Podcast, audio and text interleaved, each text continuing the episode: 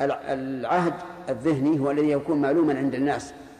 كما لا تقول سنذهب إلى القاضي للتحاكم عنده. من القاضي؟ قاضي البلد المعروف.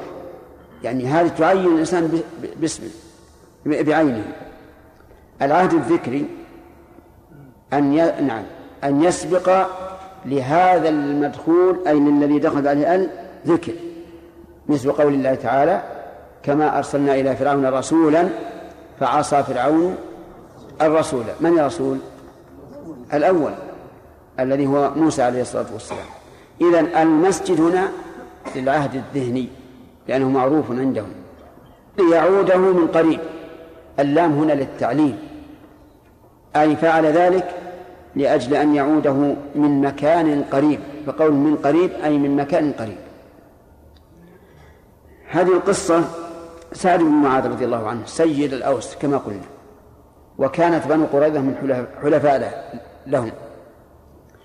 لما أصيب وكانت قريظة قد نقضوا العهد سأل الله عز وجل ألا يميته حتى يقر عينه ببني قريظة. فاستجاب الله دعاءه. بقي جرحه ملتئما لم ينزف الدم حتى حصلت غزوة بني قريظة ونزلوا على حكم سعد بن معاذ رضي الله عنه. وظنوا أنه كقضية عبد الله بن أبي بن أبي سلول أنه سيطلب العفو والتجاوز. لكن هناك فرق بين سعد بن معاذ وعبد الله بن أبي بن سلول. الثاني منافق والأول مؤمن. نزلوا على حكمه رضي الله عنه. فأرسل النبي صلى الله عليه وسلم إليه من يأتي به من المسجد إلى بني قريظة وحضر. فلما حكموه قال حكمي نافذ على هؤلاء وأشار إلى النبي صلى الله عليه وسلم لكنه قد غض بصره احتراما للنبي صلى الله عليه وسلم. قال وعلى هؤلاء يعني بني قريظة. قالوا نعم اتفق الخصمان على أن يكون هو الحكم بينهما.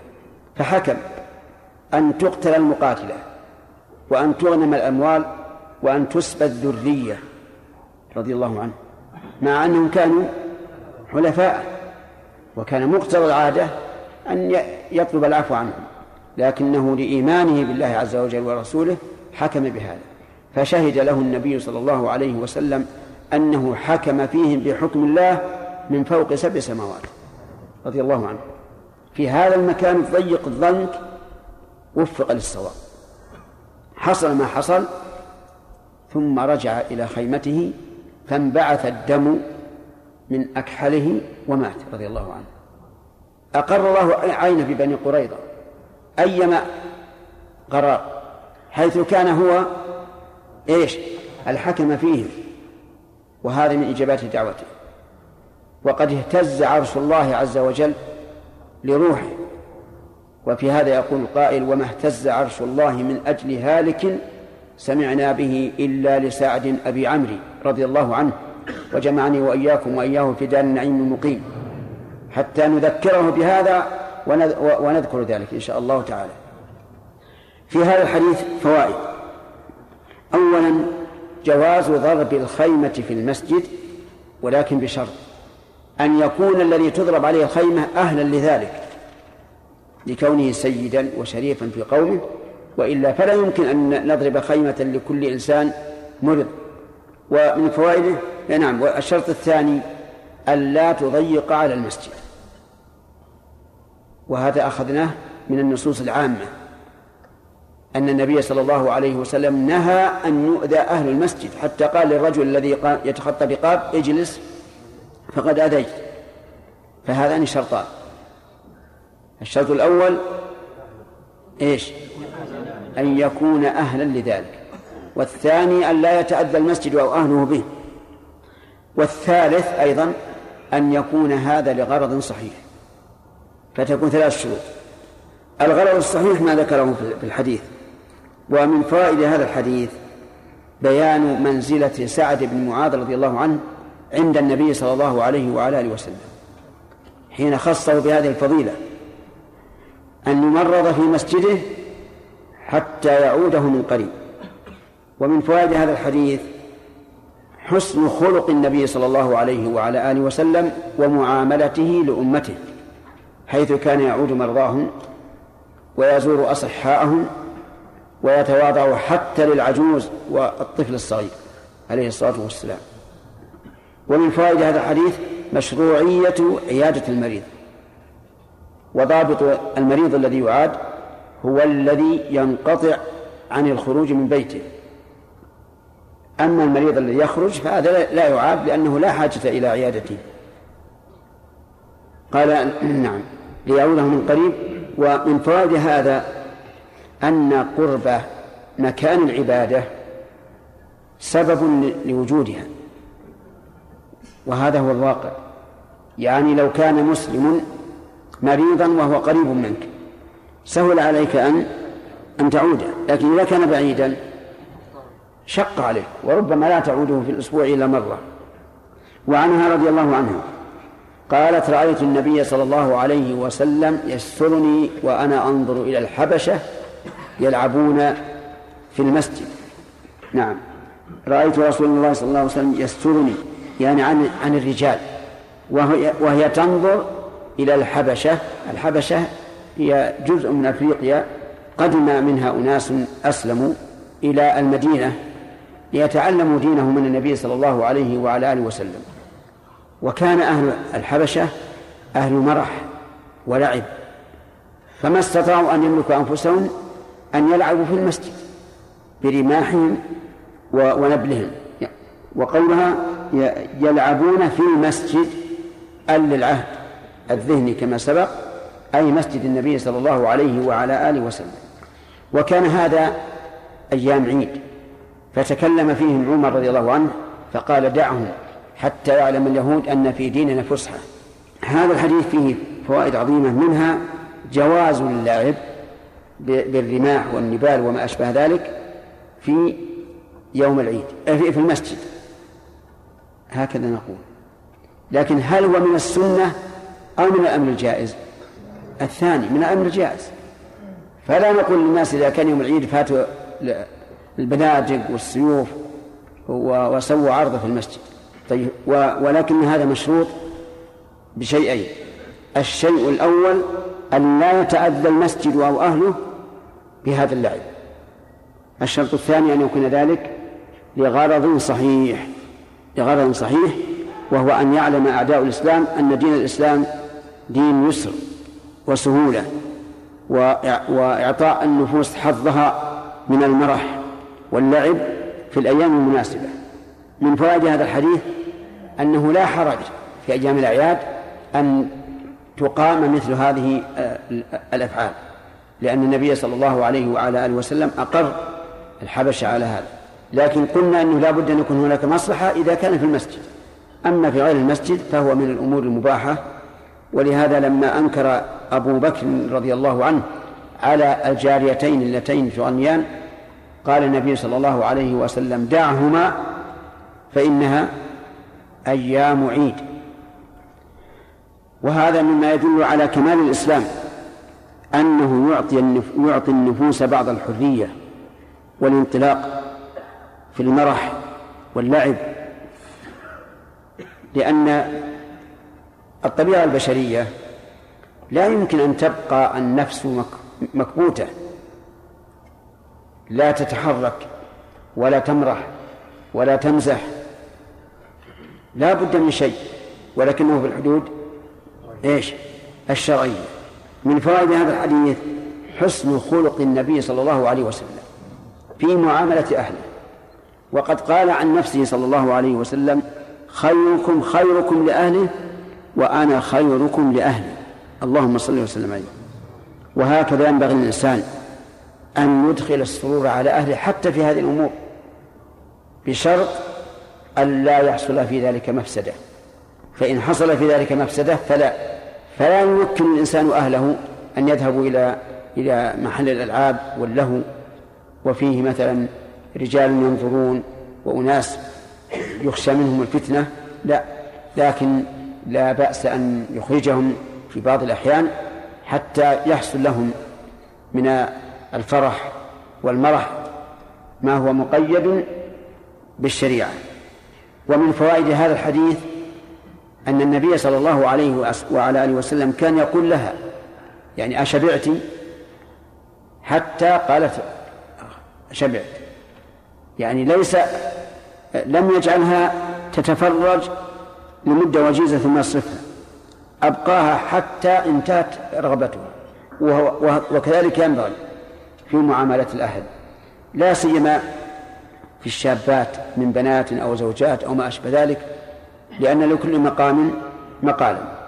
ربما إذا لو كانت عجوزا يمكن ما يهم هذا ولا يهم أن تنظر إليه لكن الشابة يجب أن يقدر لها قدرها ومن فوائد هذا الحديث جواز نظر المرأة إلى الرجال.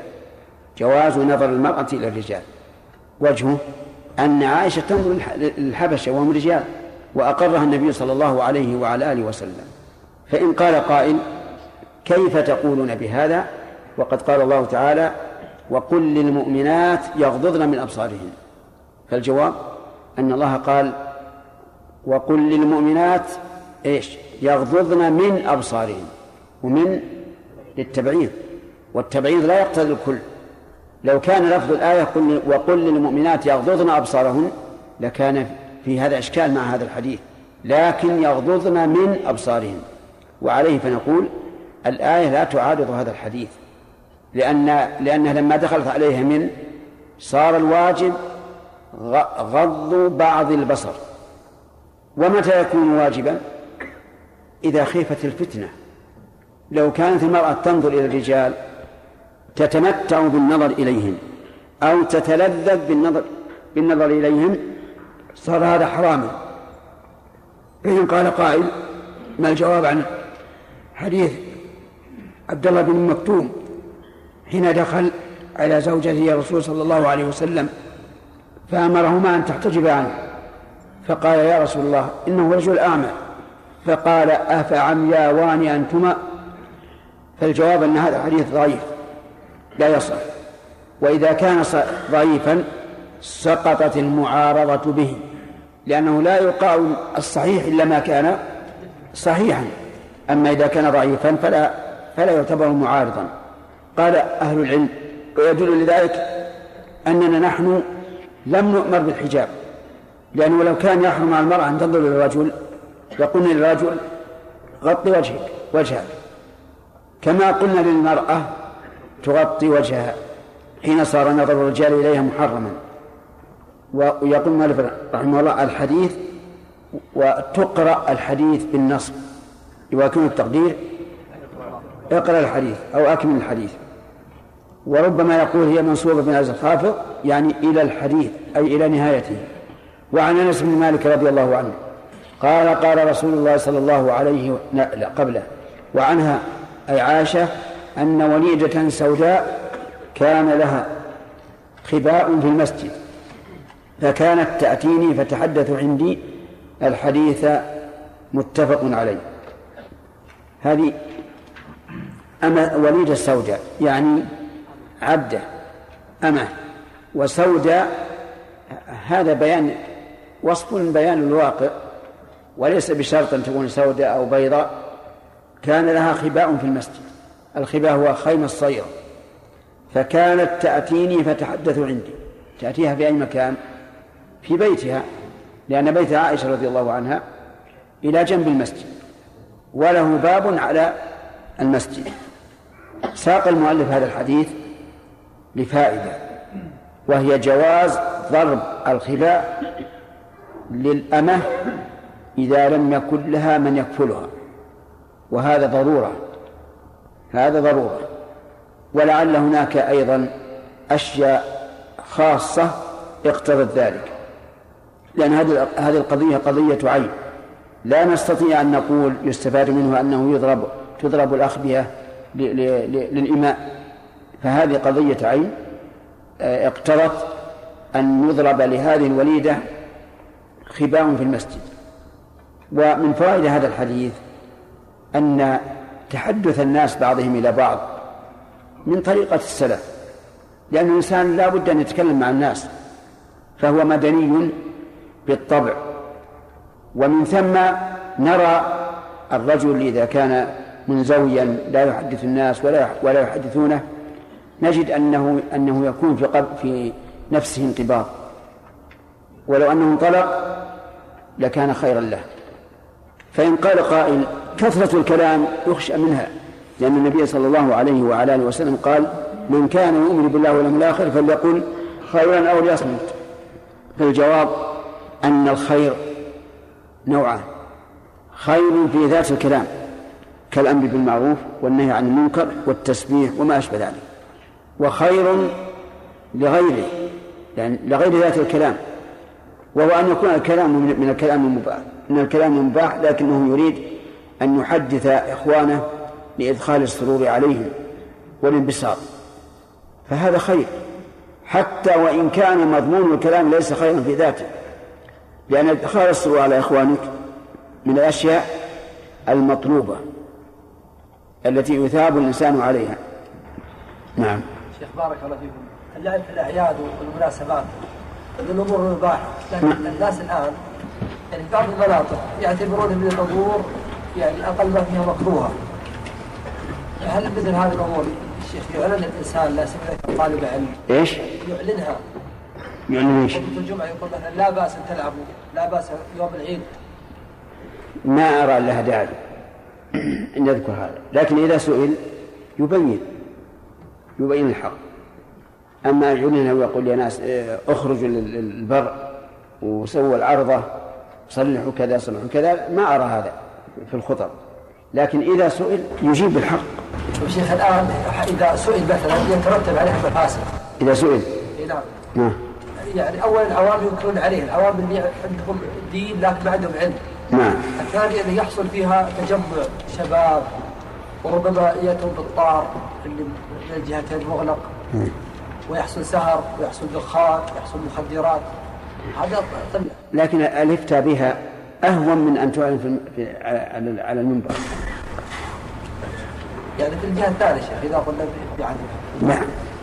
أنا أرى أن أن الشيء اللي جاءت به السنة ما يمنع الناس منه. والمحاذير التي قد تترتب عليه تمنع.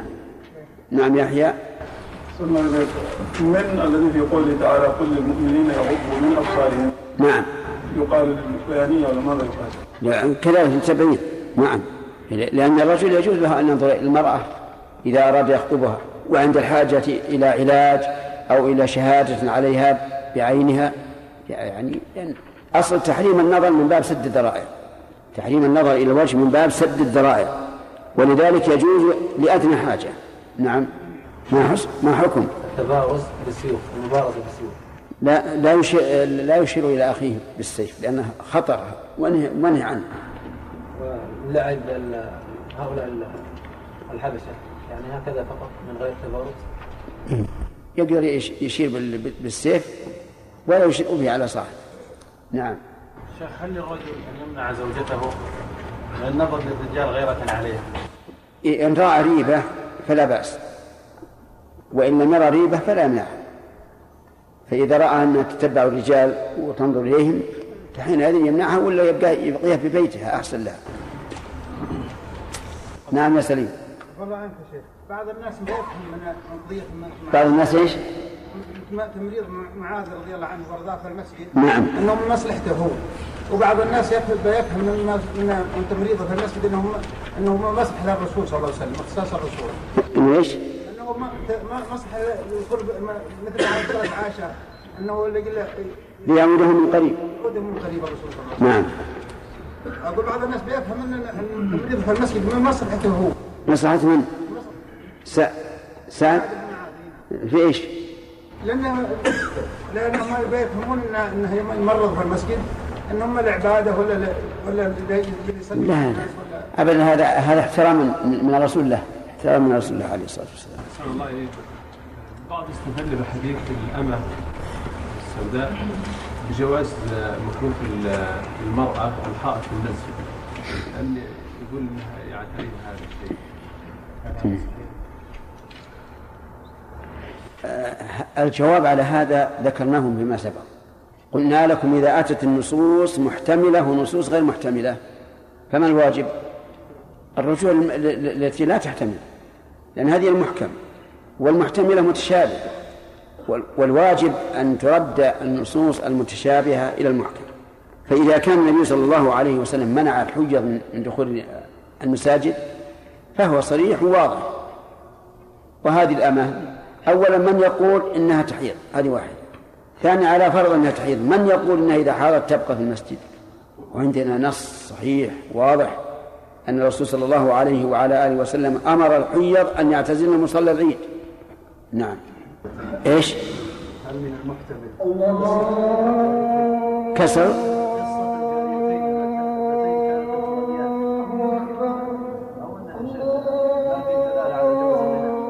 الجواز اي نعم. جواز الغنم في عدة قضايا إذا لم يكن فيه مزمار. الله أكبر. الحمد لله رب العالمين وصلى الله وسلم على نبينا محمد وعلى آله وصحبه أجمعين. هل يجوز أن يضرب خباء في المسجد آدم؟ نعم يجوز. بدون شرط. إذا لم يتضرر المسجد ولا يضرب. أن تضرب المسجد ولا أهله. ولا يضيق به المسجد. ولا يتعدى به الناس. و... وكان يعني إذا كان من يضرب له الخيمة أهل لذلك. أهل لله طيب. هل يجوز للمرأة أن تنظر إلى الرجال؟ يجوز. يجوز مطلقا. إلا إذا خشيت فتنة فانها. حدد. يجوز أن تنظر إلا إذا خشي فتنة. إيه حدد خش الفتنة. بإيش؟ لأن كانت تستلذ بالنظر تتلذذ بالنظر إليهم. طيب ما هو الدليل على جواز ذلك؟ حديث عائشة رضي الله عنها قالت رأيت النبي صلى الله عليه وسلم يسترني وأنا أنظر إلى الحبشة يلعبون في المسجد. طيب وجه الدلالة؟ وجه الدلالة إقرار النبي صلى الله عليه وسلم آه، لها عندما كانت تنظر. إقرار النبي صلى الله عليه وسلم عائشة أن تنظر إلى هؤلاء الحبشة. طيب كيف نجمع بين هذا الحديث وقوله تعالى قل للمؤمنين يغضوا من أبصارهم قوله تعالى كل المؤمنين يغضوا من أبصارهم من هذه التبعيض. آه، فإذا والتبعيض لا يشمل الكل. لا يشمل الكل. يعني إذا نقول لا منافاة أصلا بين هذا الحديث وبين الآية الكريمة لأنه في حال من الأحوال يجب الغض ومن التبعيض. تمام. نأخذ درس دليل أنس رضي الله عنه قال قال رسول الله صلى الله عليه وعلى آله وسلم البصاق في المسجد خطيئة وكفارتها دفنها. البصاق هو الريق الغليظ سواء كان نخامة أو غير نخامة. وأما الريق الخفيف الذي لا يؤثر على الأرض لا يؤثر فهذا لا يسمى بصاقا. فهو الريق الغليظ سواء كان نخامة أم دونها. وقوله في المسجد أل للعهد الذهني أو للاستغراق. نعم الثاني أي في كل مسجد. وقول خطيئة أي سيئة لأنها من خطئ يخطئ فهو خاطئ بخلاف أخطأ يخطئ فهو مخطئ فهذا مما يعذر به. خطيئة أي سيئة وكفارتها أي سترها والتجاوز عنها دفنها يعني أن تدفن هذه النخامة. وهذا ظاهر فيما إذا كان المسجد قد فرش بالحصباء أو الرمل أو ما أشبه ذلك. أما ما كان مفروشا بال- بالفرش القطنية أو الصوفية أو ما أشبه ذلك في كما في وقتنا الآن فكفارتها فركها حتى تزول. في هذا الحديث دليل على احترام المساجد وأنه يجب أن تصان عن كل أذى. وجه ذلك أن النبي صلى الله عليه وعلى آله وسلم وصف البصاق في المسجد بأنه إيش؟ بأنه خطيئة. ومن فوائد هذا الحديث أن الشيء يداوى بضده. الشيء يداوى بضده. وجهه لقولك كفارتها دفنها. فإن البصاق في المسجد يبرز صورة البصاق فإذا دفنه زال ذلك. ومن فوائد هذا الحديث أن البصاق طاهر. وجه أن النبي صلى الله عليه وعلى آله وسلم قال كفارتها دفنها ولم يقل بصب الماء عليها كما قال في بول الآدم الأعرابي أريق عليه بولا سجلا من ماء.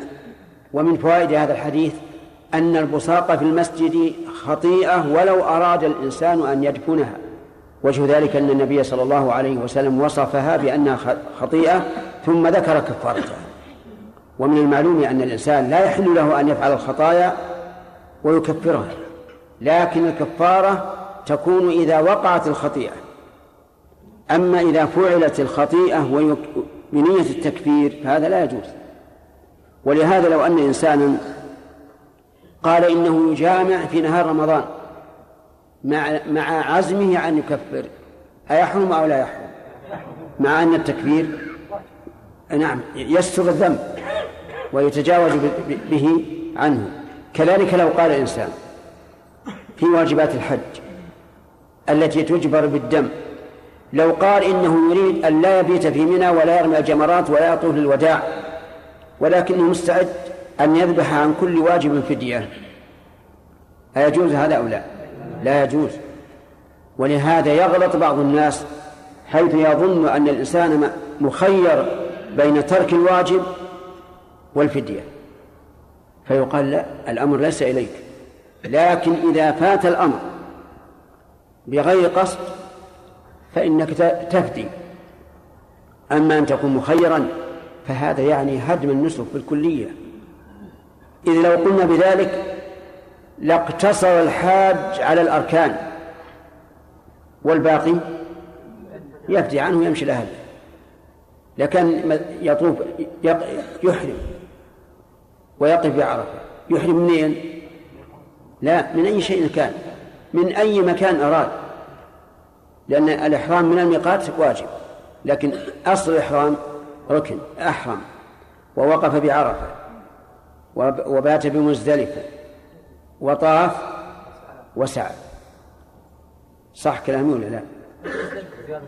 أي انتبهوا يا جماعة. إذا احذفها.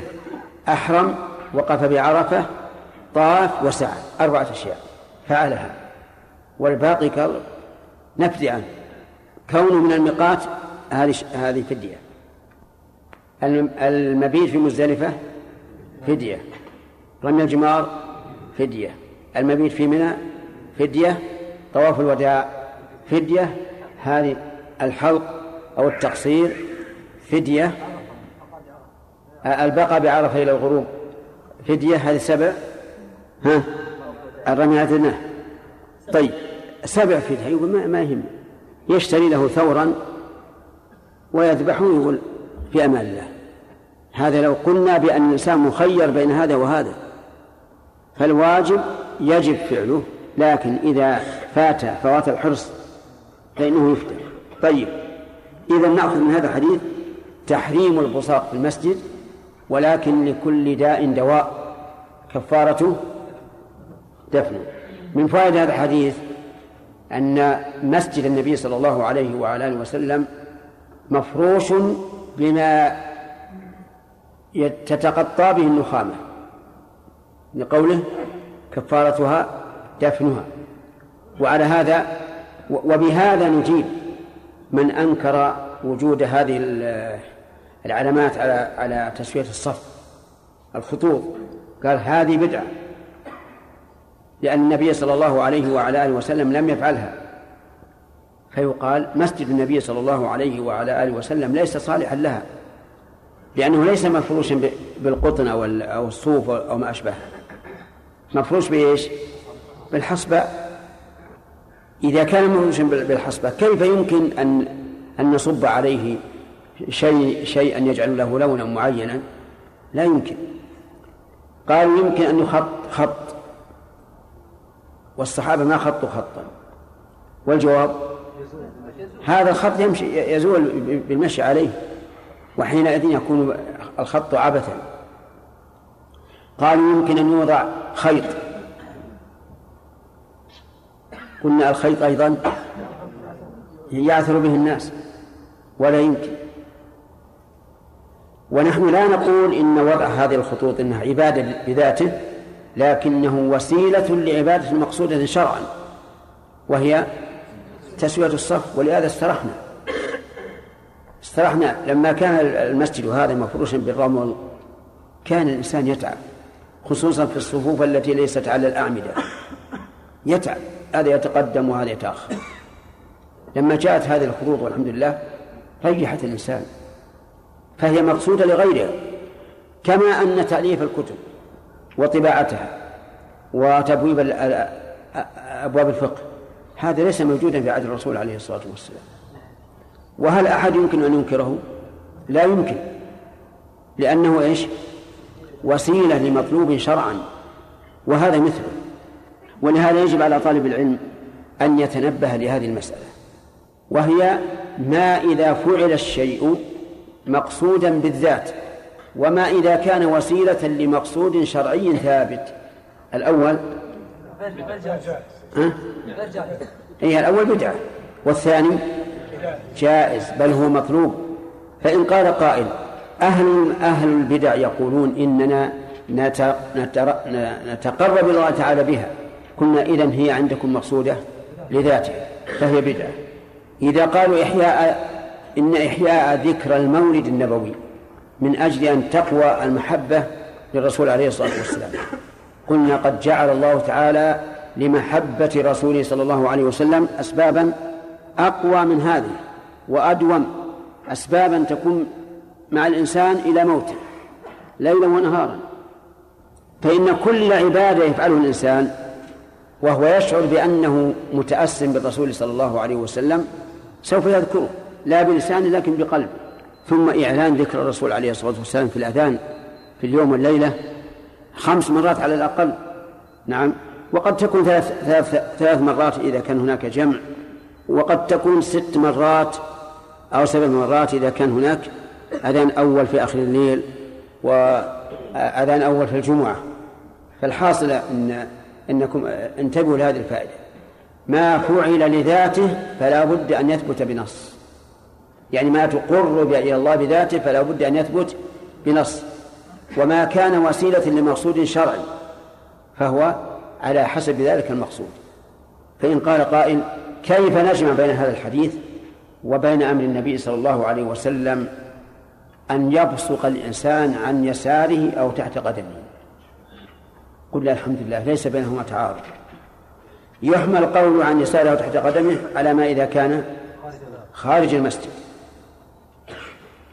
وأما إذا كان في المسجد فليبصق في ثوبه أو في منديله أو بين يديه ويحك بعضه ببعض حتى تزول.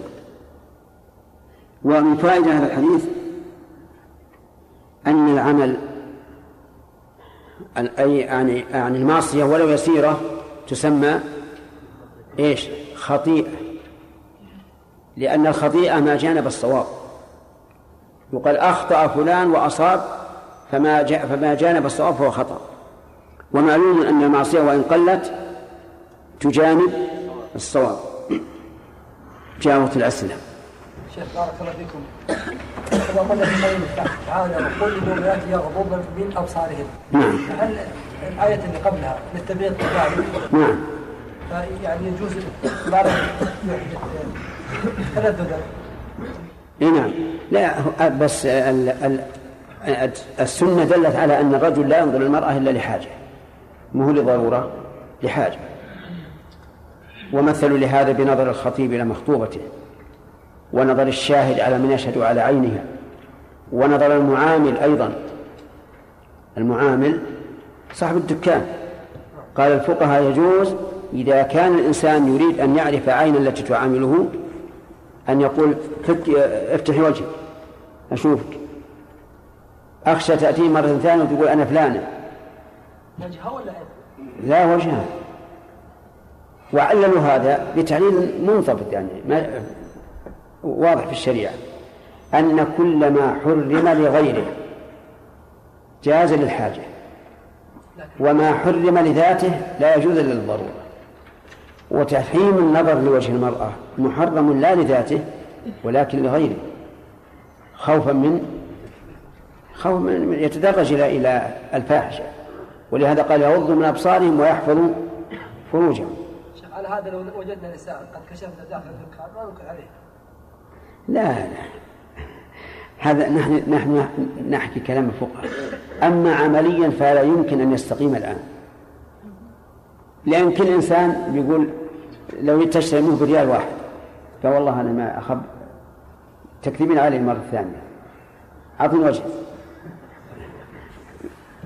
لا هو وهذه أنا دائما أكررها في الحقيقة لكم. ليس كل ما جاز نظريا يجوز تطبيقه عمليا. وهذه سياسة عمر. أليس يجوز أن يبيع الرجل أم ولده؟ في الأول. ثم لما رأى عمر أن الناس تهاونوا في هذا وفرقوا بين بين الأم وولدها منعه. منع ما, ما يعني منع تطبيقه. كذلك أيضا مسألة الطلاق الثلاث. للإنسان إذا طلق زوجته ثلاثا أن يراجعها فمنع من المراجعة. نعم يحيى. مثل هذه الخطوط والطباعة للكتب هل هذه تسمى شيخ مصالح المرسلة؟ إيش؟ مصالح المرسلة. نعم أنا لا أقر بالمصالح المرسلة ولا أجعلها دليلا مستقلا. لأن أصل أصل الشريعة كلها مصالح. تأتي بالمصالح بتكميلها أو تأسيسها. والمصالح التي يقال إنها مصالح مرسلة إن شهد لها الشرع بالصحة فهي من الشرع. وإن شهد لها بالبطلان فليست من الشرع ألم تعلم أن بعض العلماء الآن يقولون إن تجويز ربا البنوك من المصالح المرسلة؟ كيف؟ قالوا البنك يستفيد زيادة المال والآخر يستفيد أنه يحرث يؤسس مصانع يؤسس تجارة. فهذه مصالح مرسلة وأصل تحريم الربا هو الظلم. إن تبتم فلكم رؤوس أموالكم لا تظلمون ولا تظلمون. وهذا ما في ظلم. هذا فيه مصلحة للمرابي والمربي وللشعب أيضا. فهمت؟ كله على أساس إيجاد دليل لم يثبت. فأنا أقول لا, هن... لا هن... ليس هناك دليل يسمى المصالح المرسلة. بل ما شهد له الشرع بأنه مصلحة أخذ به وما لا فلا نعم. ها؟ إيش؟ تقرب إلى الله بذاته فلا بد له من دليل. نعم. إيش؟ تقرب إلى الله بذاته فلا بد له من دليل. نعم. وما تقرب لغيره فيأخذ حكم غيره. وما كان وسيلة. وسيلة لغيره أخذ حكم غيره. نعم. هل مثل هذا المسبحة و المسبحة علشان إيه؟ أي معاول المسبحة والأصابع؟ شيخ ما شك إن أصابعه سنة النبي صلى الله عليه وسلم. طيب. لكن قال شخص أنسى مثلا ولا سبح يريد خمسة. ابدا ما ينسى هذا يجعل يضبط أكثر ويحضر قلبه أكثر. لأنه بي بي يعد العشرة والعشرات والمئات. السبحه الآن إحنا شاهدنا الذين يسبحون بها. جد يسبح وعيونه تروح يمين يسار يعتمد على هالخرز. ولا يحضر قلبه. لو كان الإنسان كثير النسيان وجعل يصلي ووضع على يمينه أو يساره نوى أو خرزا أو حصى كلما انتهى من ركعة رمى بواحدة. يجوز أو لا يجوز؟ يجوز. مع أنه لولا أنه يريد أن يذكر نفسه لكان هذا عبثا مكروها. والأمثلة على هذا كثيرة. سليم. ما نقول ما هي بجائزة يا رجل. هناك هناك مرحلة بين الجواز وبين الاستحباب. نقول العد بالأصابع أو لا. وذكرنا لهذا ثلاث أسباب لعلكم تذكرونه. طيب يرجع إلى الشريف سليم. والله عنك شيخ. من عمل يا شيخ من واجبات الحج آه، واجب واعتمد على على الدم. يسلم من الإثم يا شيخ؟ لا. يعني قصد تركه قصدا وأتى بالفدية؟ نعم. ياثم ما في إشكال.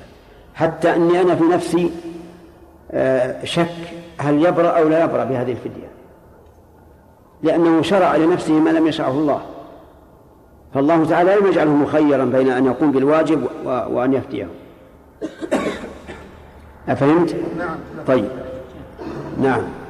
شيخ أحسن الله إليك. بالنسبة لهذه الخطوط التي في المساجد يعني ألا يقيد هذا بالمساجد الكبيرة التي يشق فيها استقامة الصفوف بغير, بغير هذه ال- الخطوط؟ لأن أغلب المساجد يا شيخ يكون جماعة المسجد على 20 25 ويمكن يعني استقامتها استقامة الصف بالتناظر ثم هذه ال- الخطوط.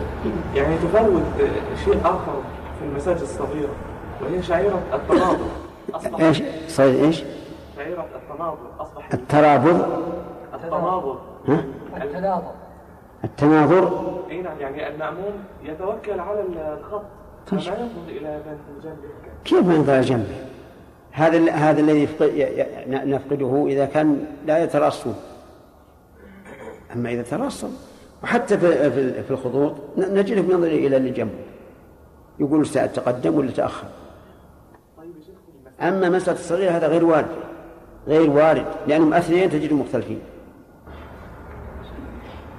ولكن نعم.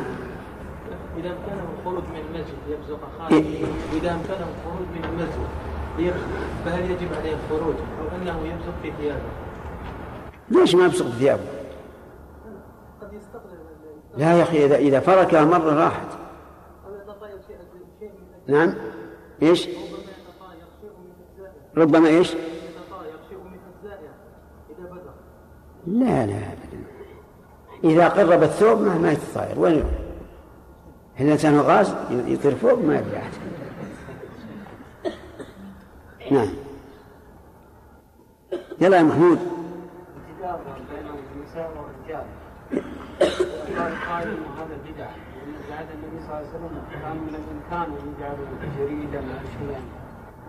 هذا ربما يقول قائل لكن وش المضرة؟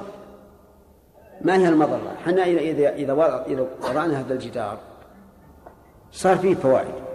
أولا إن النساء يحتجبن عن الرجال والرجال ليسوا على الطهارة التي كان عليها الصحابة. ثانيا أن النساء يأخذن حريتهن. فإن المرأة إذا كانت في مكان مصون تأخذ حريتها أكثر مما لو كان الناس يشاهدونه. فالمسألة الحال تغيرت.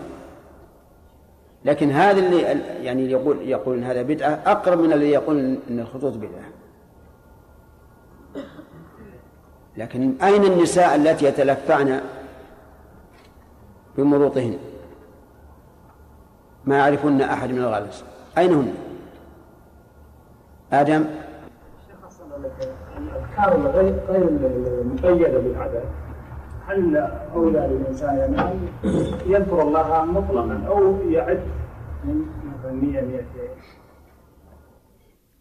الذي أرى أن أن يذكر الله مطلقا. بعض الناس يقول أقيد مثل ألف أو ألفين علشان أفرح وأقول إني ذكرت الله هذا العدد. لكن نقول هنا من يحسي عليه في العدد ما يلفظ من قول إلا لديه رقيب عتيد. وكون لسانك دائما رطبا من ذكر الله أحسن. وما أحسن أن يكون الإنسان دائما يقول سبحان الله وبحمده سبحان الله العظيم؟ لأنه لا يكفيكم كم أخذ من الأسئلة بسم الله الرحمن الرحيم. الحمد لله رب العالمين وصلى الله وسلم على نبينا محمد وعلى آله وأصحابه ومن تبعهم بإحسان ليوم الدين. هل البصاق طاهر أو نجس؟ يلا صالح. من أين يؤخذ من هذا الحديث؟ أن النبي صلى الله عليه وعلى آله وسلم قال كفارتها دفن. ولو كانت نجسة؟ نعم. لأمر بتطهيره. طيب. هل هذا يدل على أن الإنسان إذا أراد أن يدفن البصاق فله فعله كما قاله بعض العلماء. نعم. لا يدل وجه ذلك.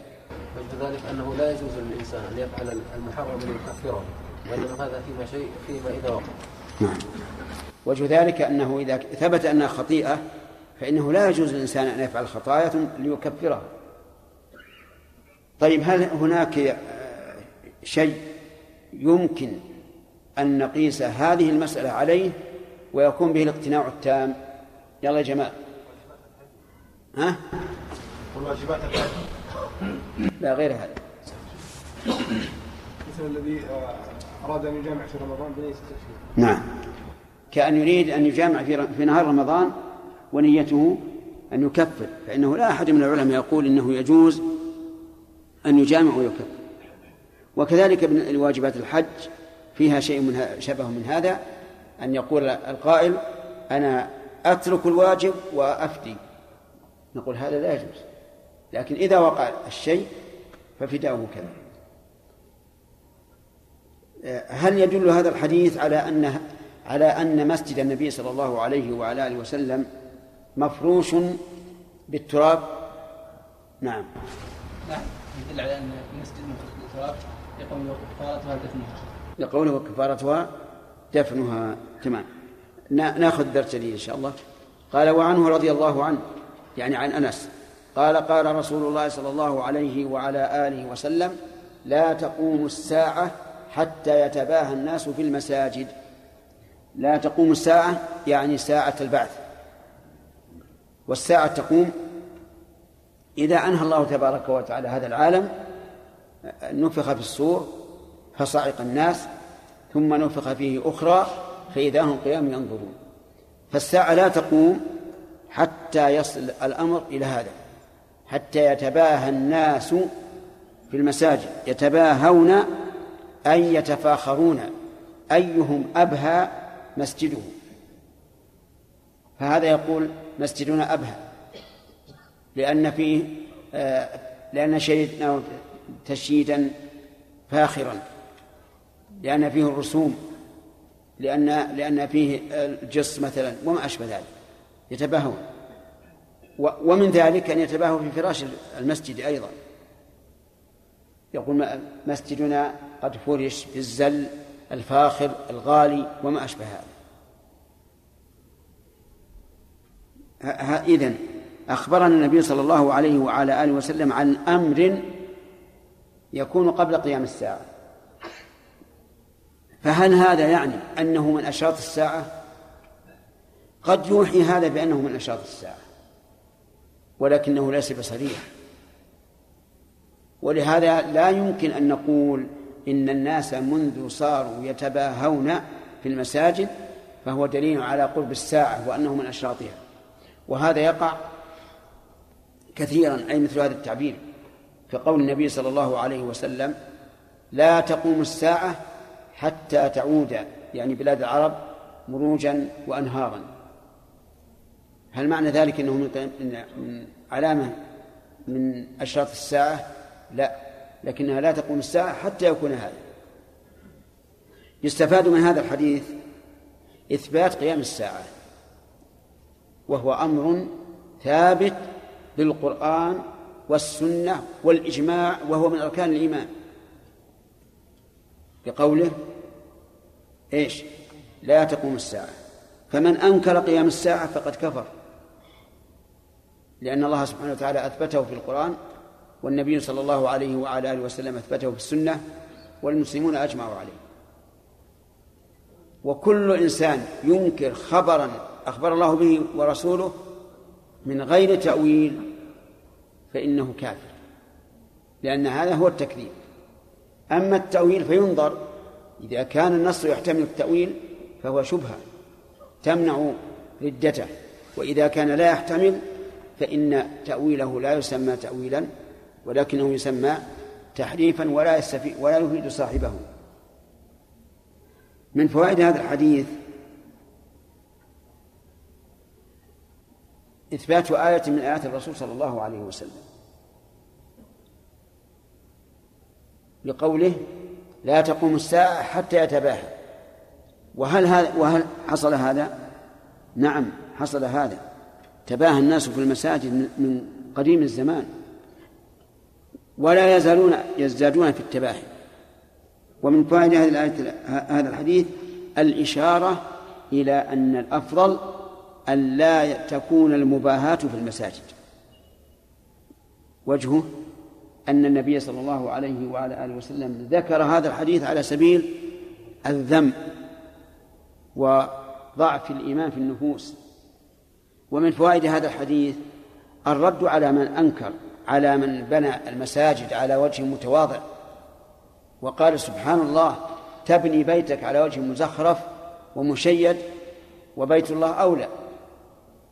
ويقول الآخر كيف تبنى الكنائس على وجه فخم وجه مشيد محسن ومساجد المسلمين لا يفعل بهذا نقول لأن المسلمين لا يهمهم لا تهمهم المظاهر وإنما الذي يهمهم هو المعاني التي بنيت من أجلها المساجد وهي إقامة الصلاة وقراءة القرآن والذكر وما أشبه ذلك. ثم قال وعن وعن ابن عباس رضي الله عنهما قال قال رسول الله صلى الله عليه وعلى آله وسلم ما أمرت بتشييد المسجد المساجد.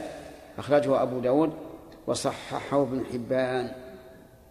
ما أمرت أي ما أمرني الله أن أشيد المساجد وتشييد أي طليها بالشيد والشيد هو الجص. وقول المساجد جمع مسجد والمراد ما بني للصلاة فيه. قوله عليه الصلاة والسلام ما أمرت يستفاد منه فوائد. أولا أن النبي صلى الله عليه وسلم يؤمر وينهى فهو إذن عبد من عباد الله عز وجل. لأن الله تعالى يأمره وينهاه. ومنها أن النبي صلى الله عليه وعلى آله وسلم لا يأتي بالشريعة من عند نفسه. بل هو ينتظر أمر الله عز وجل. إذا أمره الله فعل وإذا لم يأمره أمسك. ومن فوائد هذا الحديث الإشارة إلى عدم تشييد المساجد. لأنها لأنها لو كان لو كان تشييدها خيرا لإيش؟ لأمر به النبي صلى الله عليه وعلى آله وسلم. لأنه ما من خير إلا أمر به صلى الله عليه وسلم ودل الناس عليه إما من من من نفسه ابتداء أو من الله عز وجل.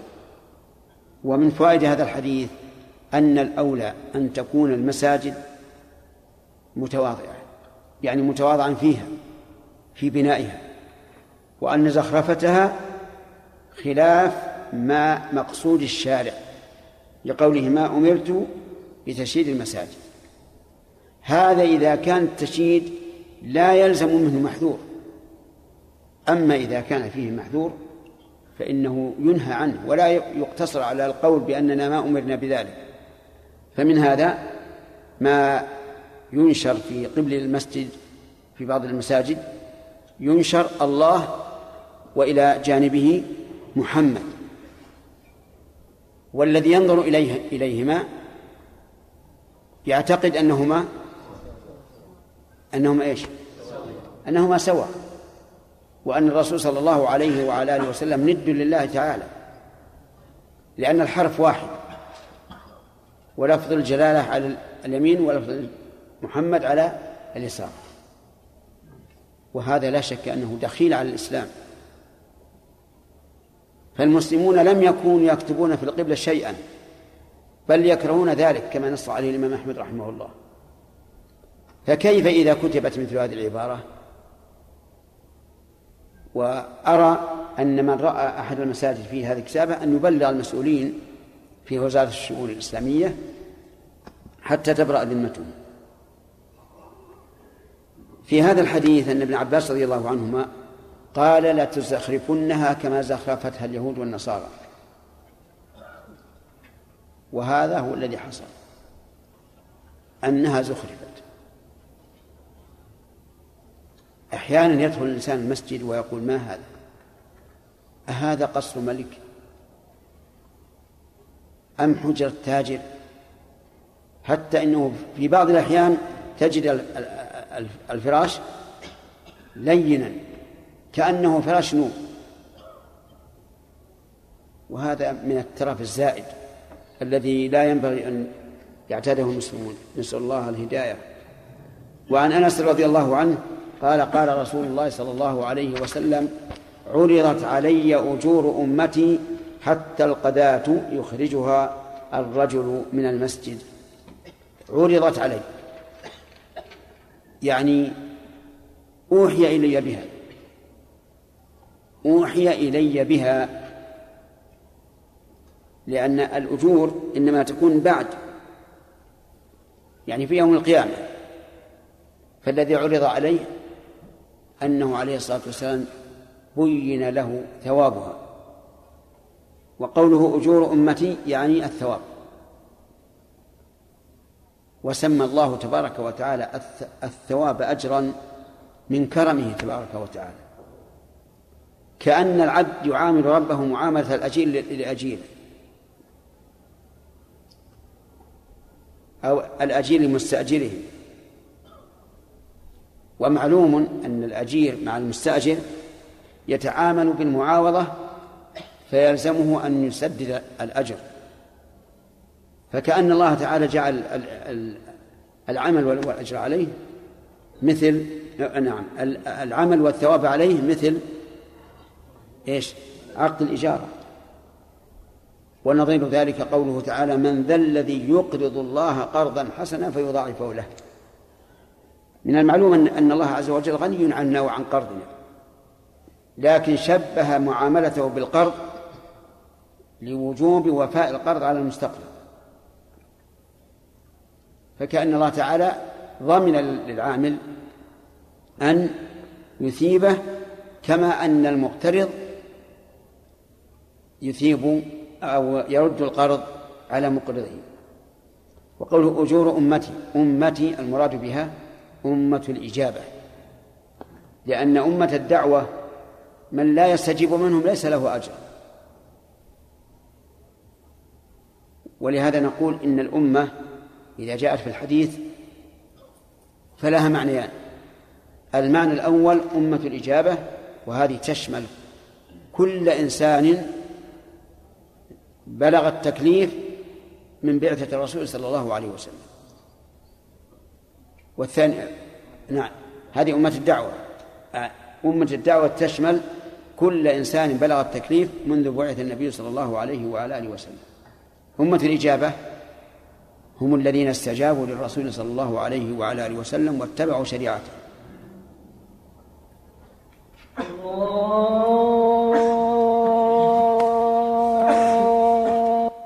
بعض الأوان إذا ذكر لهم عذاب القبر أو يعني الميزان وكذا. يقولون هل رأيت أنت عذاب القبر وهل رأيت الميزان أو الجنة؟ ما حكم هؤلاء؟ قل ما رأيت. قل له ما رأيت. هل يعذرون بالجهل؟ ما يعذر بالجهل؟ لأن نقول ألست تقول في كل صلاة أعوذ بالله من عذاب جهنم؟ نعم. طيب كيف كيف تكابر وتقول له عذاب؟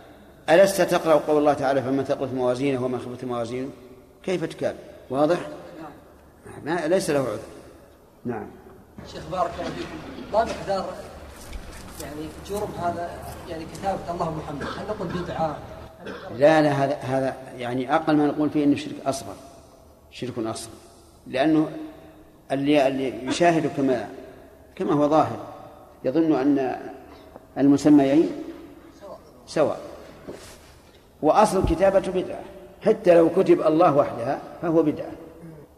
وبعض الناس يكتب فلما دخل عليها زكريا المحراب وجد عندها رزقا. هذا المحراب. كلما دخل كلما دخل عليه زكريا المحراب. نعم. الآيات على المحاريب بدعة نعم. بلا بلا شك.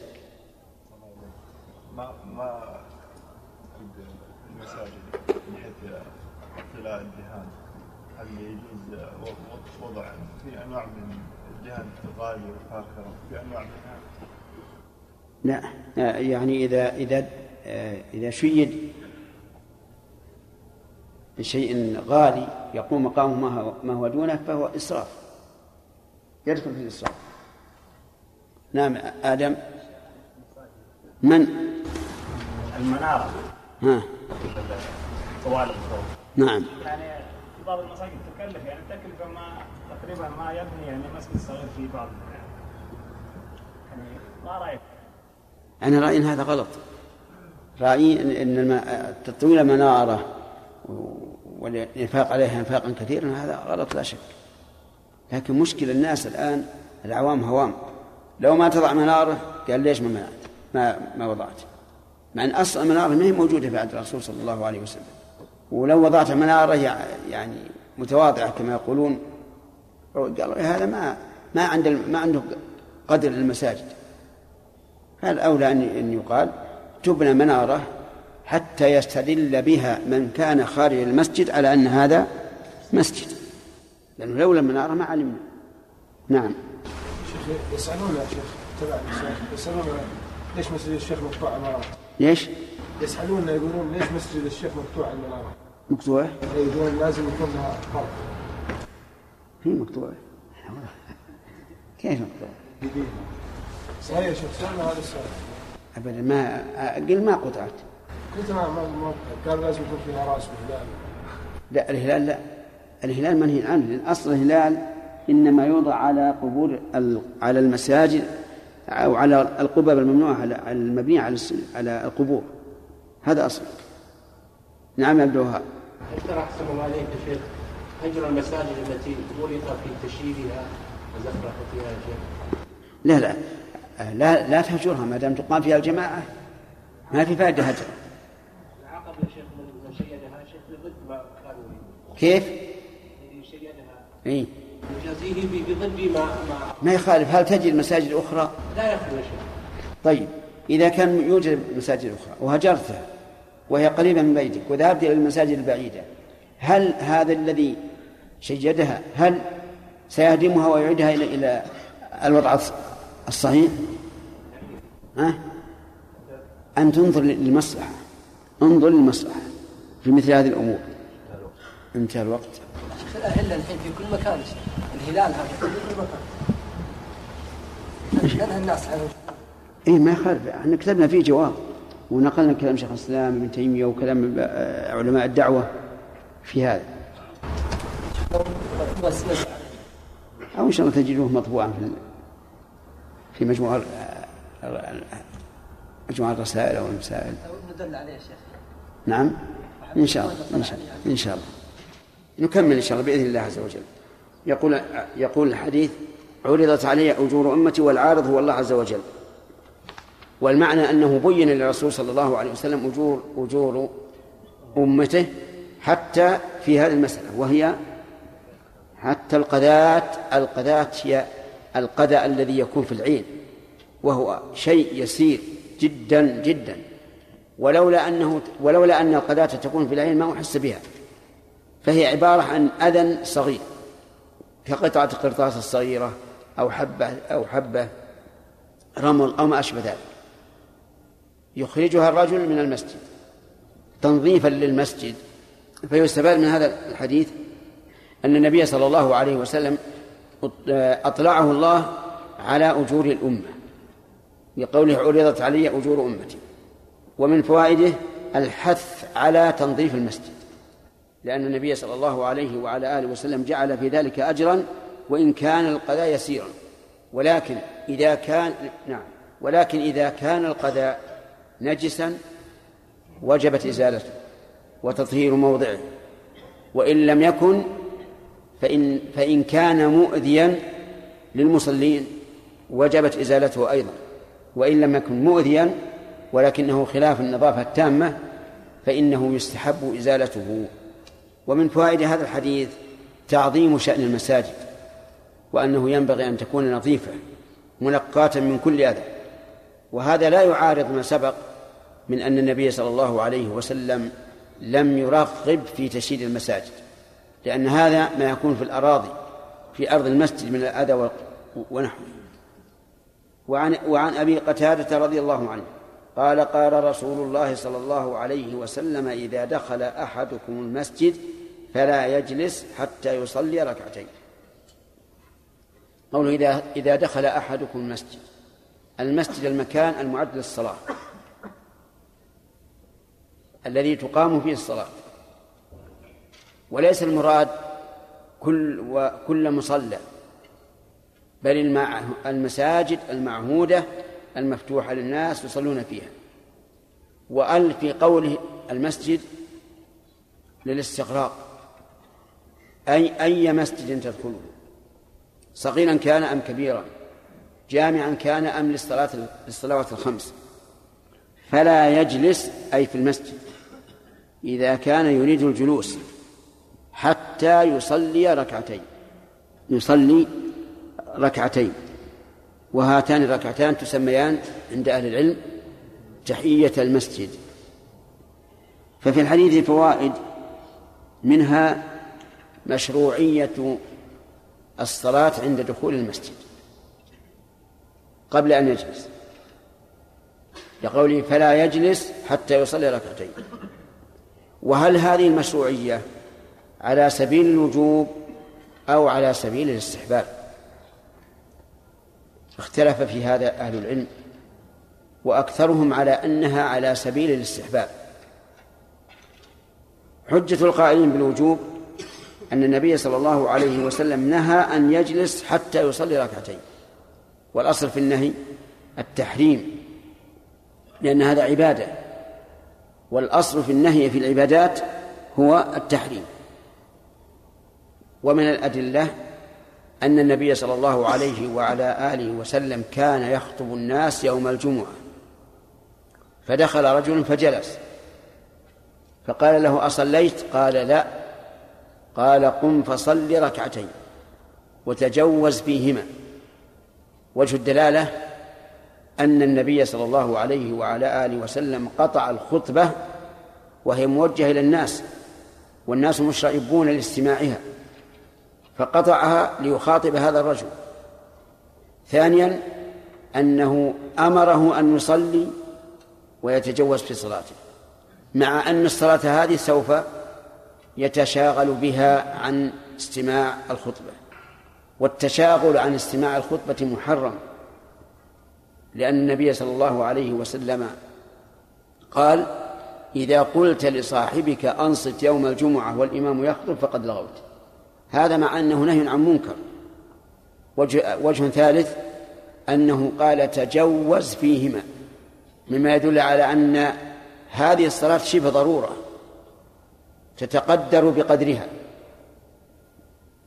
ولا شك أن هذه أن هذه هذا استدلال قوي. فالقول بوجوب تحية المسجد قوي جدا. أما أما حجة القائلين بأنها لا تجب فاحتجوا بأمور. منها أن النبي صلى الله عليه وعلى آله وسلم قال للرجل الذي أخبره بأن عليه خمس صلوات في, في اليوم والليلة قال هل علي غيرها؟ يقول الرجل قال النبي صلى الله عليه وعلى آله وسلم لا إلا أن تتطوع فقوله لا يشمل كل صلاة سواء كانت ذات سبب أم لا. ولكن في هذا الاستدلال شيئا من النظر لأن مراد النبي صلى الله عليه وعلى آله وسلم بذلك الصلوات الخمس الدائمة. فليس يوجد صلاة دائمة بدوام الأيام غير واجبة غير هذه الصلوات الخمس. نعم يستدل بهذا الحديث على عدم وجوب صلاة الوتر لأنها صلاة تتكرر في اليوم والليلة فيستدل بهذا الحديث على عدم وجوبها أي صلاة الوتر. ويقال في الرد على هذا الدليل صلاة دخول المسجد لها سبب عارض فتتقيد بسببها. كصلاة الكسوف مثلا على قول من يرى أنها واجبة فإنها خارجة عن الخمس لكن لها سبب أوجبها. وكصلاة العيد فإنها واجبة وهي خارجة عن الصلوات الخمس لكن لها إيش؟ لها سبب وهو العيد. فمراد النبي صلى الله عليه وسلم بقوله لا إلا أن تتطوع الصلوات إيش؟ ال- ال- التي تدور بدوران الأيام. كذلك أيضا قالوا في رد هذا الاستدلال قالوا لو أن الإنسان نذر أن يصلي وجبت عليه الصلاة؟ وجبت عليه الصلاة مع أنها ليست من الصلوات الخمس لكن لها سبب وهو النذر. فالمهم أن الاستدلال بهذا الحديث لا يستقيم. طيب قالوا ومن وقالوا ومن الأدلة على أن النبي صلى الله على أنها ليست واجبة أن النبي صلى الله عليه وعلى آله وسلم كان يأتي إلى الجمعة. يأتي إلى الجمعة فيبدأ بالخطبة ولا يصلي ركعتين. وهذا يدل على أنها على أن تحية المسجد ليست بواجبة. فهذا الاستدلال قد يقول قائل إن فيه شيئا من النظر. لأن الخطيب لا يجلس بالخطبة إلا بين بين الخطبتين وهو جلوس يسير. لإظهار الفرق بين إيش؟ الخطبتين بالفعل وبالقول. أما بالقول فسيسكت عند الخطبة الأولى وأما بالفعل فسيجلس. وأيضا الخطبة تابعة للصلاة صلاة الجمعة وهو لن يجلس بعد الخطبة بل سيبدأ بصلاة الجمعة. فضعوا الاستدلال استدلوا أيضا بأن النبي صلى الله عليه وعلى آله وسلم لما دخل مكة ودخل المسجد الحرام بدأ بالطواف ثم صلى بعد ذلك ركعتين. وهذا الاستدلال أيضا وهذا الاستدلال أيضا فيه نظر لأن النبي صلى الله عليه وعلى آله وسلم ابتدأ الطواف وجعل يمشي لم يجلس فإنه عليه الصلاة والسلام لم يجلس بل طاف ثم صلى ركعتين. فالمهم أن القول بوجوب تحية المسجد قول قول. لا يكاد الإنسان يأتي بدليل واضح يدل على عدم وجوبها. استدلوا أيضا بعدم الوجوب بقصة كعب بن مالك رضي الله عنه حين دخل المسجد حين تاب الله عليه وتلقاه الناس يهنئونه.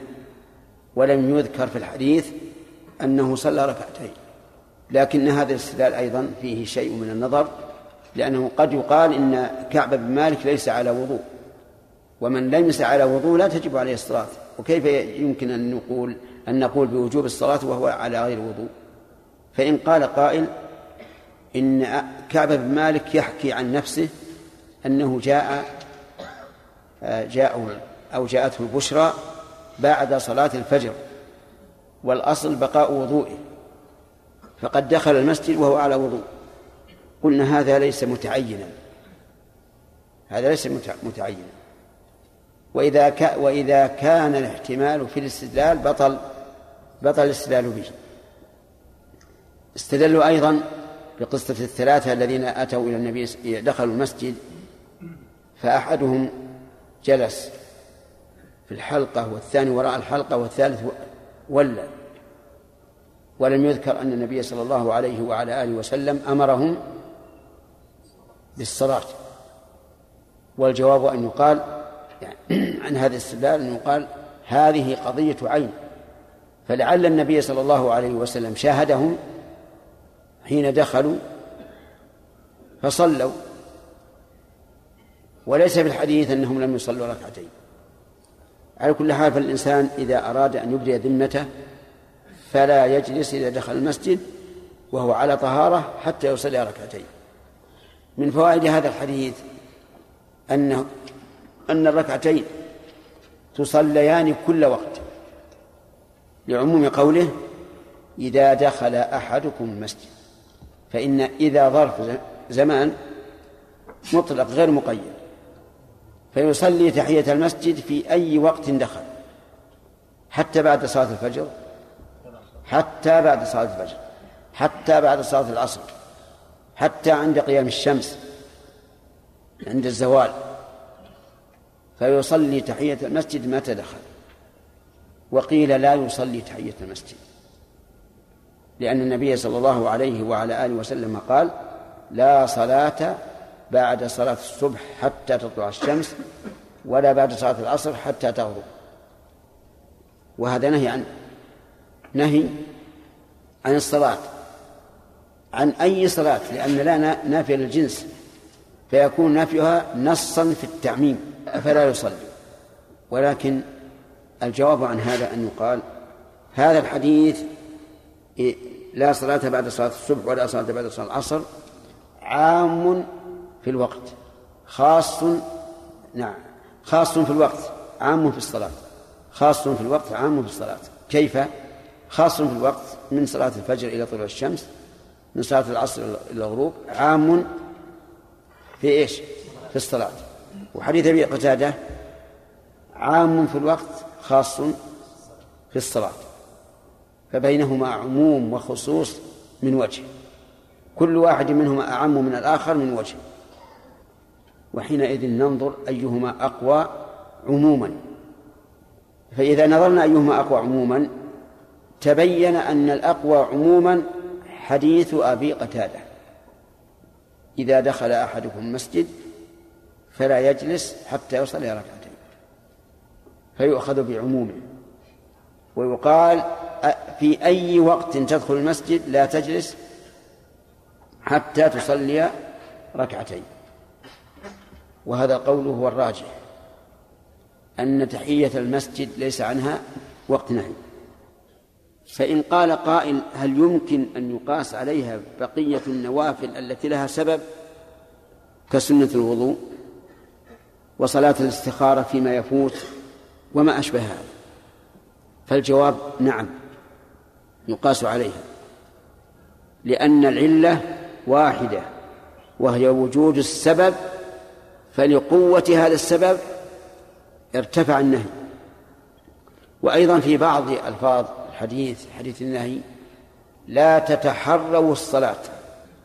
وهذا يدل على أن المقصود بذلك من يتحرى الصلاة ويصلي في وقت النهي. وهو الذي يصلي صلاة تطوع ليس لها سبب. فالصواب إذن الرواية الأخرى عن الإمام أحمد عن الإمام أحمد وهي مذهب الشافعي واختيار شيخ الإسلام ابن تيمية أنه لا نهي عن كل صلاة ذات سبب. كل صلاة لها سبب لا نهي عنها. من ذلك مثلا ركعة الوضوء وركعة الطواف وركعة الاستخارة فيما يفوت وغير ذلك. من فوائد هذا الحديث أنه لو صلى فريضة عند دخوله المسجد لكفى. وجه الدلالة أن الفريضة يصدق عليها أنها ركعتان. فإذا دخل المسجد وصلى الفجر صلاة الفجر وجلس فقد أدى ما عليه لأن حديث عام فلا يجلس حتى يصلي ركعتين. والمقصود هو افتتاح المسجد بصلاة ركعتين وهذا يحصل بالفريضة كما يحصل بالنافلة. ومن فوائد هذا الحديث أنه لو صلى ركعة واحدة لم تجزئه كما لو كان الإنسان لم يوتر فدخل المسجد فأوتر بركعة واحدة فإنه لا يجزئ في ظاهر الحديث لأنه قال حتى يصلي ركعتين ولم يطلق يعني لم يقل حتى يصلي لو قال حتى يصلي فلا إشكال قال ركعتين. وكذلك لو دخل وصلى صلاة المغرب فإنه لم يصلي ركعتين بل صلى ثلاثا. لكن يقال إن النبي صلى الله عليه وعلى آله وسلم قال هذا في الشيء الدائم. أما الشيء النادر فإذا سمي صلاة شرعا أجزى عن الركعتين. وعلى هذا فإذا دخل المسجد في آخر الليل ولم يوتر فأوتر بركعة ثم جلس فقد أدى ما عليه. ويكون قول الرسول صلى الله عليه وعلى آله وسلم حتى يصلي ركعتين بناء على الغالب. وإلا فلو صلى ركعة واحدة أو ثلاث ركعات لأدى ما عليه. ومن فوائد هذا الحديث أنه إذا دخل المصلى فلا تحية عليه. المصلى الذي أعده الإنسان مكانا للصلاة في بيته أو في مزرعته أو ما أشبه ذلك. لأن هذا المصلى لا يسمى مسجدا. ومن فوائد هذا الحديث أنه إذا دخل مصلى العيد فلا يجلس حتى يصلي ركعتين. لأن مصلى العيد مسجد. فإن قال قائل ما هو الدليل على أن مصلى العيد مسجد؟ فالجواب الدليل على هذا أن النبي صلى الله عليه وعلى آله وسلم أمر النساء أن يخرجن لصلاة العيد ليشهدن الخير ودعوة المسلمين. وأمر الحيض أن يعتزلن المصلى. وهذا الحكم خاص بالمساجد. أعني أن الحائض لا تدخل المسجد خاص بالمساجد. فلما ذكر النبي صلى الله عليه وسلم حكما خاصا في المساجد ثابتا لمصلى العيد دل ذلك على أن مصلى العيد مسجد. ولهذا قال فقهاؤنا رحمهم الله أعني الحنابلة قالوا مصلى العيد مسجد لا مصلى الجنائز. مصلى العيد مسجد لا مصلى الجنائز. كيف مصلى الجنائز؟ لأنهم كانوا يجعلون للجنائز مصلى خاصا خارجا عن المسجد. فلا يكون هذا المسجد الذي ترك للصلاة على الأموات ليس له حكم المساجد بخلاف مصلى العيد. فإن قال قائل أليس النبي صلى الله عليه وسلم في صلاة العيد؟ لما دخل لم يصلي ركعتين. فالجواب بل صلاهما لأن صلاة العيد من حين يأتي الإمام يشرع فيها. فإن قال قائل الناس يخرجون إلى مصلى العيد مبكرين وهو وقت نهي. فما الجواب؟ الجواب أما على قول من يرى أنه لا تصلى تحية المسجد وقت النهي فإنه لا يصلي. وأما على القول الراجح أنه يصلي تحية المسجد ولو وقت النهي فليصلي لأنه لا فرق بين مصلى العيد ومصلى والمساجد الأخرى. ومن فوائد هذا الحديث تعظيم المساجد. وهذا هو الشاهد لسياق هذا الحديث في باب المساجد. تعظيم المساجد بحيث لا يجلس لا يجلس الإنسان فيها حتى يؤدي التحية لله عز وجل. العقيدة. هل المصلي يؤدي التحية لله؟ في إيش؟ لا غير ركعتين. ألسنا نقول في الصلاة التحيات لله؟ نحيي الله عز وجل في صلاته. التحيات لله والصلوات والطيبات.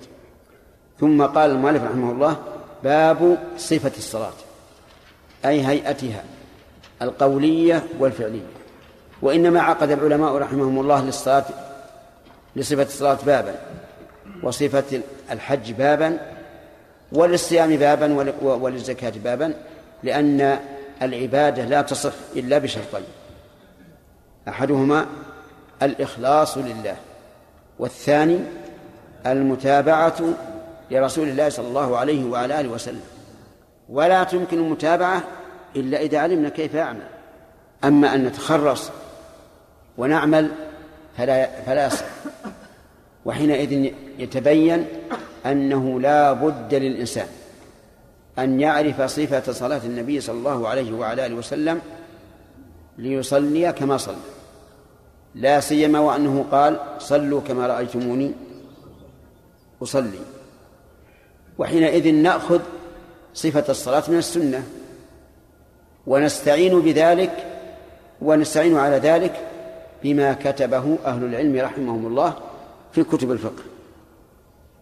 بدأ المؤلف بحديث ينبغي أن يكون أصلا في الموضوع وهو حديث أبي هريرة رضي الله عنه أن النبي صلى الله عليه وسلم قال إذا قمت إلى الصلاة إلى آخره. والمؤلف رحمه الله يختصر الأحاديث. فلا يأتي إلا بالشاهد. وليته لم يفعل هذا. لأن مثل هذا الحديث قصة ينبغي أن تروى كما هي من أولها إلى آخرها. ولأن ما حذفه فيه فوائد كثيرة. لكن يجاب عن عن هذا بأن المؤلف أراد أن يكون هذا هذا الحديث هذا هذا الكتاب كتابا مختصرا. نعم يا محمد. شيخ بارك الله فيكم. قلنا بحرمة الانشغال عن خطبة الجمعة. نعم. الإنسان يا شيخ أحيانا يأتي الجمعة وهو مرهق. ربما نام فيها. فهل إذا غلب على ظنه في أول النهار أنه ينام في الخطبة فهل يجب أن ينام قبلها حتى يأتي بنشيطا؟ لا ما يجب. ما يجب. الواجب أنه ي- لا يتشاغل والإنسان ربما ينام أول النهار وإذا جاء وقت الصلاة نام زيادة. أخذ قسطا كافيا ما نام. ما هو على كل الناس يختلفون في هذا. يستحب نعم. يستحب. الصحابة ما كانوا يقيلون إلا بعد الجمعة. ما كانوا يقيلون إلا بعد الجمعة. لكن إذا كنت مرهقا لابد أن, أن, أن لنفسك عليك حقا. ريح نفسك أول نعم يا سليم. والله عنك شيخ. طلوع الشمس وغروبها يا شيخ ووقفتها كبد السماء. فيها فيها حديث خاص وعام. نعم. طيب. أقول التحيه التحيه فيها يا شيخ. يصلي التحية تصلي التحية مهما كان. في أي ساعة دخلت المسجد من ليل أو نهار فصل التحية. وهكذا أيضا كل صلاة لها سبب. الإنسان إذا توضأ يسمى أن يصلي, أن يصلي ركعتين. فتوضأ بعد العصر. نقول صلي ركعتين. نعم إذا إذا دخل الإنسان المسجد قبل أذان المغرب بدقائق يسيرة شيخ. هل نقول يعني يقف حتى يؤذن؟ الذي أرى أن لا يقف. ما دام ما دام قد اطمأن إلى جواز الصلاة في, في, وقت النهي لا يقف. لأن وقوفه أيضا قد يقال إنه مثل القعود. لو تأتي إلى المسجد هنا وتقف ساعة أو ساعتين هذا بمعنى القعود. نعم. آدم. أراد أن يدخل في المسجد ولكنه على غير طهارة. نعم. مع أن الماء بقرب المسجد وميسر عنده. هل نأمره بالوضوء ثم بالصلاة أو؟ لا لا نأمر بالوضوء. إذا دخل وهو في حال يمكنه أن يصلي فليصلي. لأنه لأنه لم يؤمر بالصلاة وإنما نهي عن الجلوس حتى يصلي. إذا دخل المسجد وكان واقفا. واقفا. هل يعتبر خالف الأمر؟ يعني يبقى واقف دائما؟ يدور يقرأ. إيه. والله أخشى أن أن أخشى أن يكون مخالف الحديث لأن الدوران في المسجد شبيه بال- بالوقوف بالقعود. ولهذا منعت منعت الحائض من من الطواف مع أنها لن لن لن لن تمك- لن تمكث على سبيل الجلوس بل هي تدور. إي نعم يقال له. وقصر ركعتين فإذا قال أنا أنا لم أجلس قيل له هذا بمعنى الجلوس. وإذا كنت أتيت به حيلة فالأمر واضح.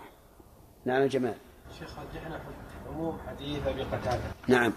فلماذا ما ما فهم. ترجيح العموم وجه الترجيح أن حديث النهي مخصص بعدة مخصصات. فمثلا ركعتي الطواف تجوز حتى في وقت النهي.